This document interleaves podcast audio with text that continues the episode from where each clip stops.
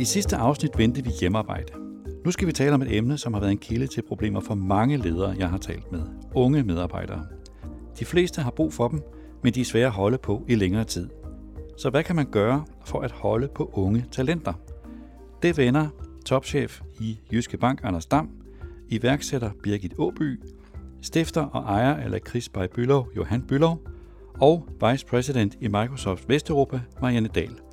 Mit navn er Niels Lunde, jeg er chefredaktør på Dagbladet Børsen.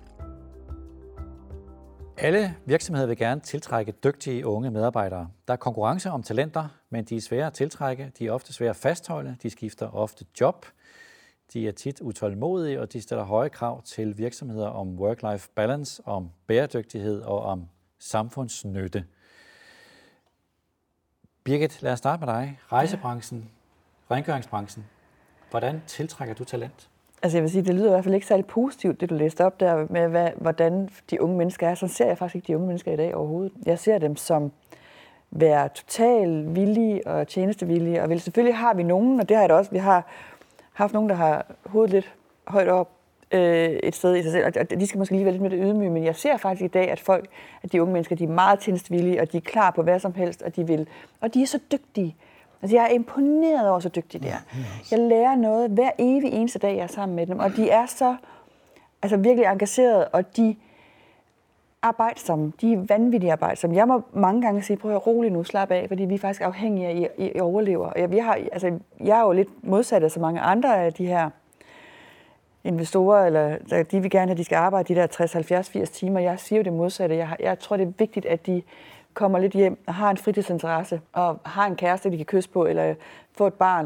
Der er to af mine store iværksættere, der har sagt, nu skal I simpelthen få nogle børn, drenge, for nu begynder jeg at være der, hvor livet giver mening. Og det er faktisk noget, jeg må sige til dem, fordi de har faktisk lyst til at... Jamen, vi, skal, vi har jo karriere, ja, ven søde, men det har, bliver du ikke ved med at have. Det vigtigste, du har, det er dine børn, når du bliver ældre. Så jeg ser dem ikke som øh, uvildige, som du... Jeg synes, du, synes, du satte et lidt dårligt billede op af dem. Jeg ser, at vi har nogle unge mennesker, som er vanvittigt intelligente og driftige og mm. positive og vil verden noget godt. Og de vil faktisk meget omkring det her. De er meget bæredygtige. De tænker meget på, at vi skal redde verden. Mm.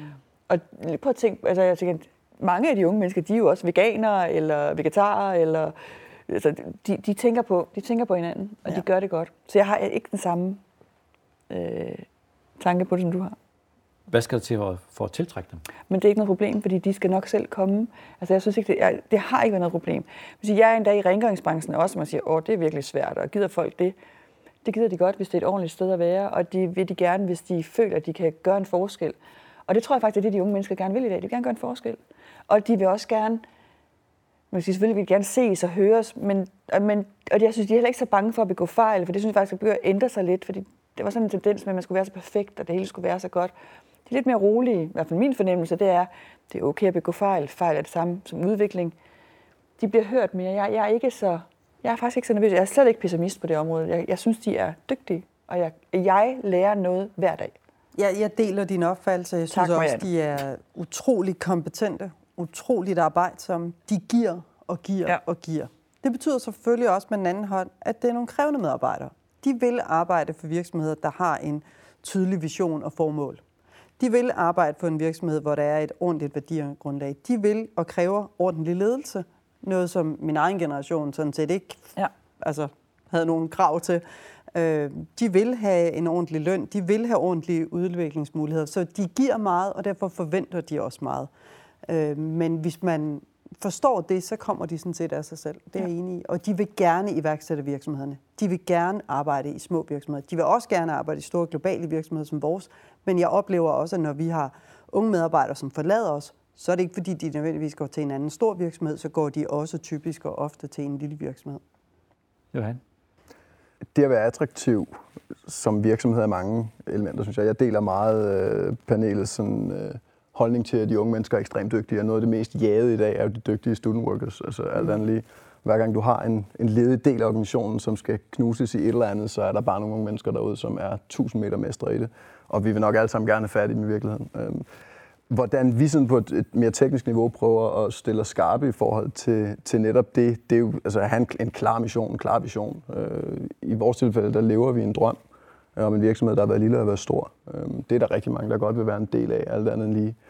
Øhm, vi, øh, jeg arbejder med et tema nu faktisk på hele paletten til næste år, som jeg synes er meget relevant, øh, også for, for debat på det ene og det andet.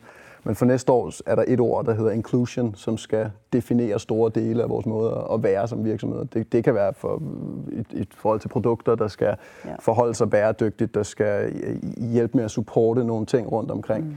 Øh, men det er, det er altså på mange niveauer også, når man rekrutterer mennesker, øh, når man er gode, øh, ikke gamle, sure, autoritære ledere. Mm. Det, er, det skal være så velset, og jeg har faktisk prøvet det nu de sidste 12 måneder, uden der er nogen, der ved det, det kan de så få at vide nu, men, men at prøve at tage min søn eller min datter med på arbejde en hel dag, for ligesom at prøve at presse til det der om, at øh, hvor fedt kunne det være, hvis man var så inkluderende, så folk uden ja. at trække på noget, kunne tage sit barn med ja. på arbejde. Ja. Øh, og sørge for, at han egentlig kom rundt og være i det og leve i det. Øh, og, altså, så inkluderende tror jeg, man skal være som virksomhed i dag. Og jeg tror, man skal hjælpe sine ansatte til at, at få succes. Øh, Øh, måske endda lige så meget derhjemme som i virksomheden. Øhm, det, det tror jeg bliver enormt essentielt. Men det er jo sådan et værdibaseret grundlag, og der, der synes jeg jo egentlig Jyske Bank, altså tilbage da jeg var student og medarbejder i 90'erne på Handelshøjskolen i Aarhus, der var jeg faktisk ude med en forskergruppe i, uh, i uh, Jyske Bank, som jo var pioner på, uh, på værdibaseret ledelse. Jeg tror, det har været sådan noget 697, hvor vi lavede interview rundt i hele landet, og det var jo sådan en grundtro på, at man ikke bare var en bank, men man faktisk også havde nogle holdninger til det at være mm-hmm. virksomhed. Så jeg tror jo, det er jo ikke nyt, men i dag er det bare blevet et altså helt alfa og omega at være. Så hvis man er en lille virksomhed og gerne vil tiltrække nogle unge mennesker, eller også nogle ældre mennesker for den sags skyld, så er man nødt til at stå for noget. Man er nødt til at ville noget. Man kan ikke bare vil altså have en virksomhed for at få en løn og købe en ny bil. Altså man er nødt til at ville noget. Og hvis man vil det og kan formulere det, øh, om det så er via sociale medier, eller skrevne presser, eller word of mouth i det lokale samfund, hvor man er, så tror jeg også, man kan tiltrække medarbejdere. Ja, på trods af sektoren, som jeg repræsenterer i dag, har et dårligt image, så har vi altså overhovedet ingen problemer med at rekruttere enormt meget dygtige unge mennesker. Øh, jeg fik lige en opgørelse i dag. Jeg tror, vi har mellem 200 og 260 studerende, der arbejder forskellige steder i organisationen. Og øh, jamen, dem rekrutterer vi lystigt fra, øh, når vi så skal besætte mere fuldtidsorienterede jobs.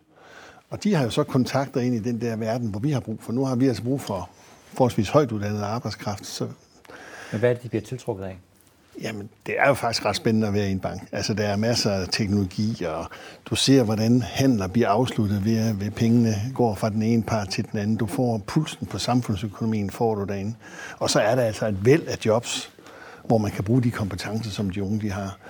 Øh, jeg synes så derudover, at jeg kan jagtage en, en forskel, fordi i, i perioden fra 2002 til 2006, jeg undskyld, jeg siger, at dem vi fik ind, de var øh, meget forkælet og kunne næsten ikke komme inden for døren, før de skulle være uh, direktør i virksomheden. Så kom krisen i 8, og den ydmyghed, den er kom, fordi nogen havde mødre og fædre, der gik konkurs, eller nogen kendte nogen, der blev arbejdet. Den er simpelthen fortsat frem til nu.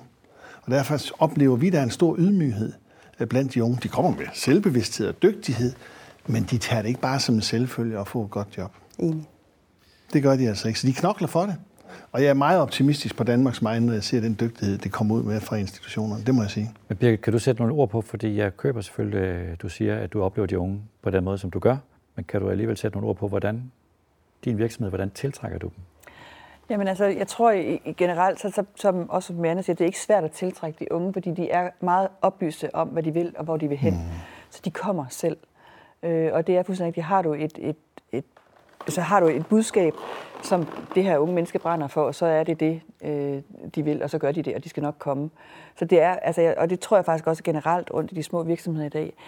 Og jeg tror heller ikke, det bliver mindre nu efter corona, vil jeg så sige. Altså nu tror jeg, jeg tror ikke, det bliver svært at finde arbejdskraft og dygtig arbejdskraft, fordi der selvfølgelig også har været nogen, der har mistet job øh, her.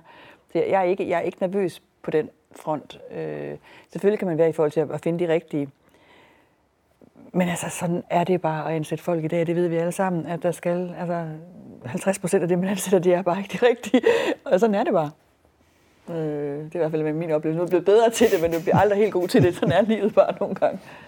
I er meget mere positive, end jeg sådan ellers hører, må jeg sige. Altså, man ja. hører jo meget af unge i dag, de er mere kredsende, de er mere sådan... Ja, det synes jeg faktisk, det er, hvor det kommer fra. Ja, de er skide dygtige. Ja, ja, ja, jamen også, at der er få af dem, og det vil sige, at de er svære at få fat i. Nå, okay. Øh, det er du bare får dejligt at høre. panel, Niels. Ja, det er, det er det forkerte panel. Det er dejligt at høre.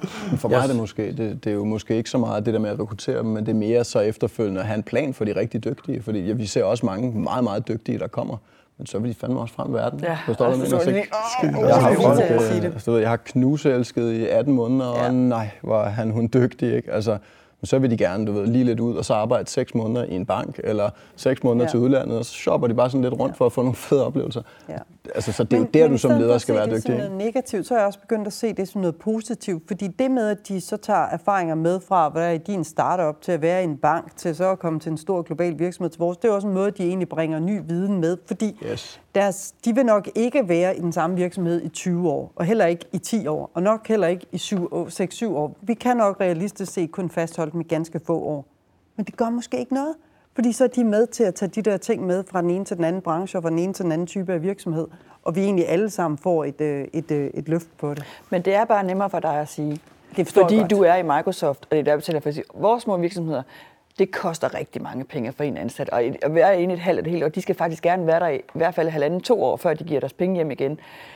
Så, så når de så shopper Men jeg ser jo, rundt... de store virksomheders medarbejdere vil jo gerne ud og arbejde. Ja, ja. Vi har jo nogen, der Ja. tager overlov i Ja. 6 eller 12 Ja. måneder for at få lov til Præcis. at arbejde i sådan en Ja. virksomhed som jeres. Og det er jo også en måde, hvor man kan Ja. sige, det giver vi Så dem giver jo lov noget til for Jamen, at kunne det- fastholde dem.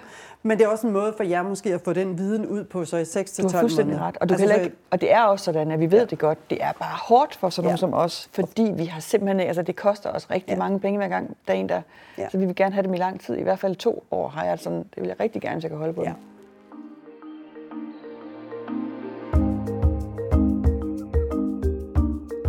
Det var alt, hvad vi havde valgt at bringe i dette afsnit af Gazelle-podcasten. Mit navn er Nils Lunde, chefredaktør på Børsen. Vi håber, du vil lytte med i næste afsnit på Genhør.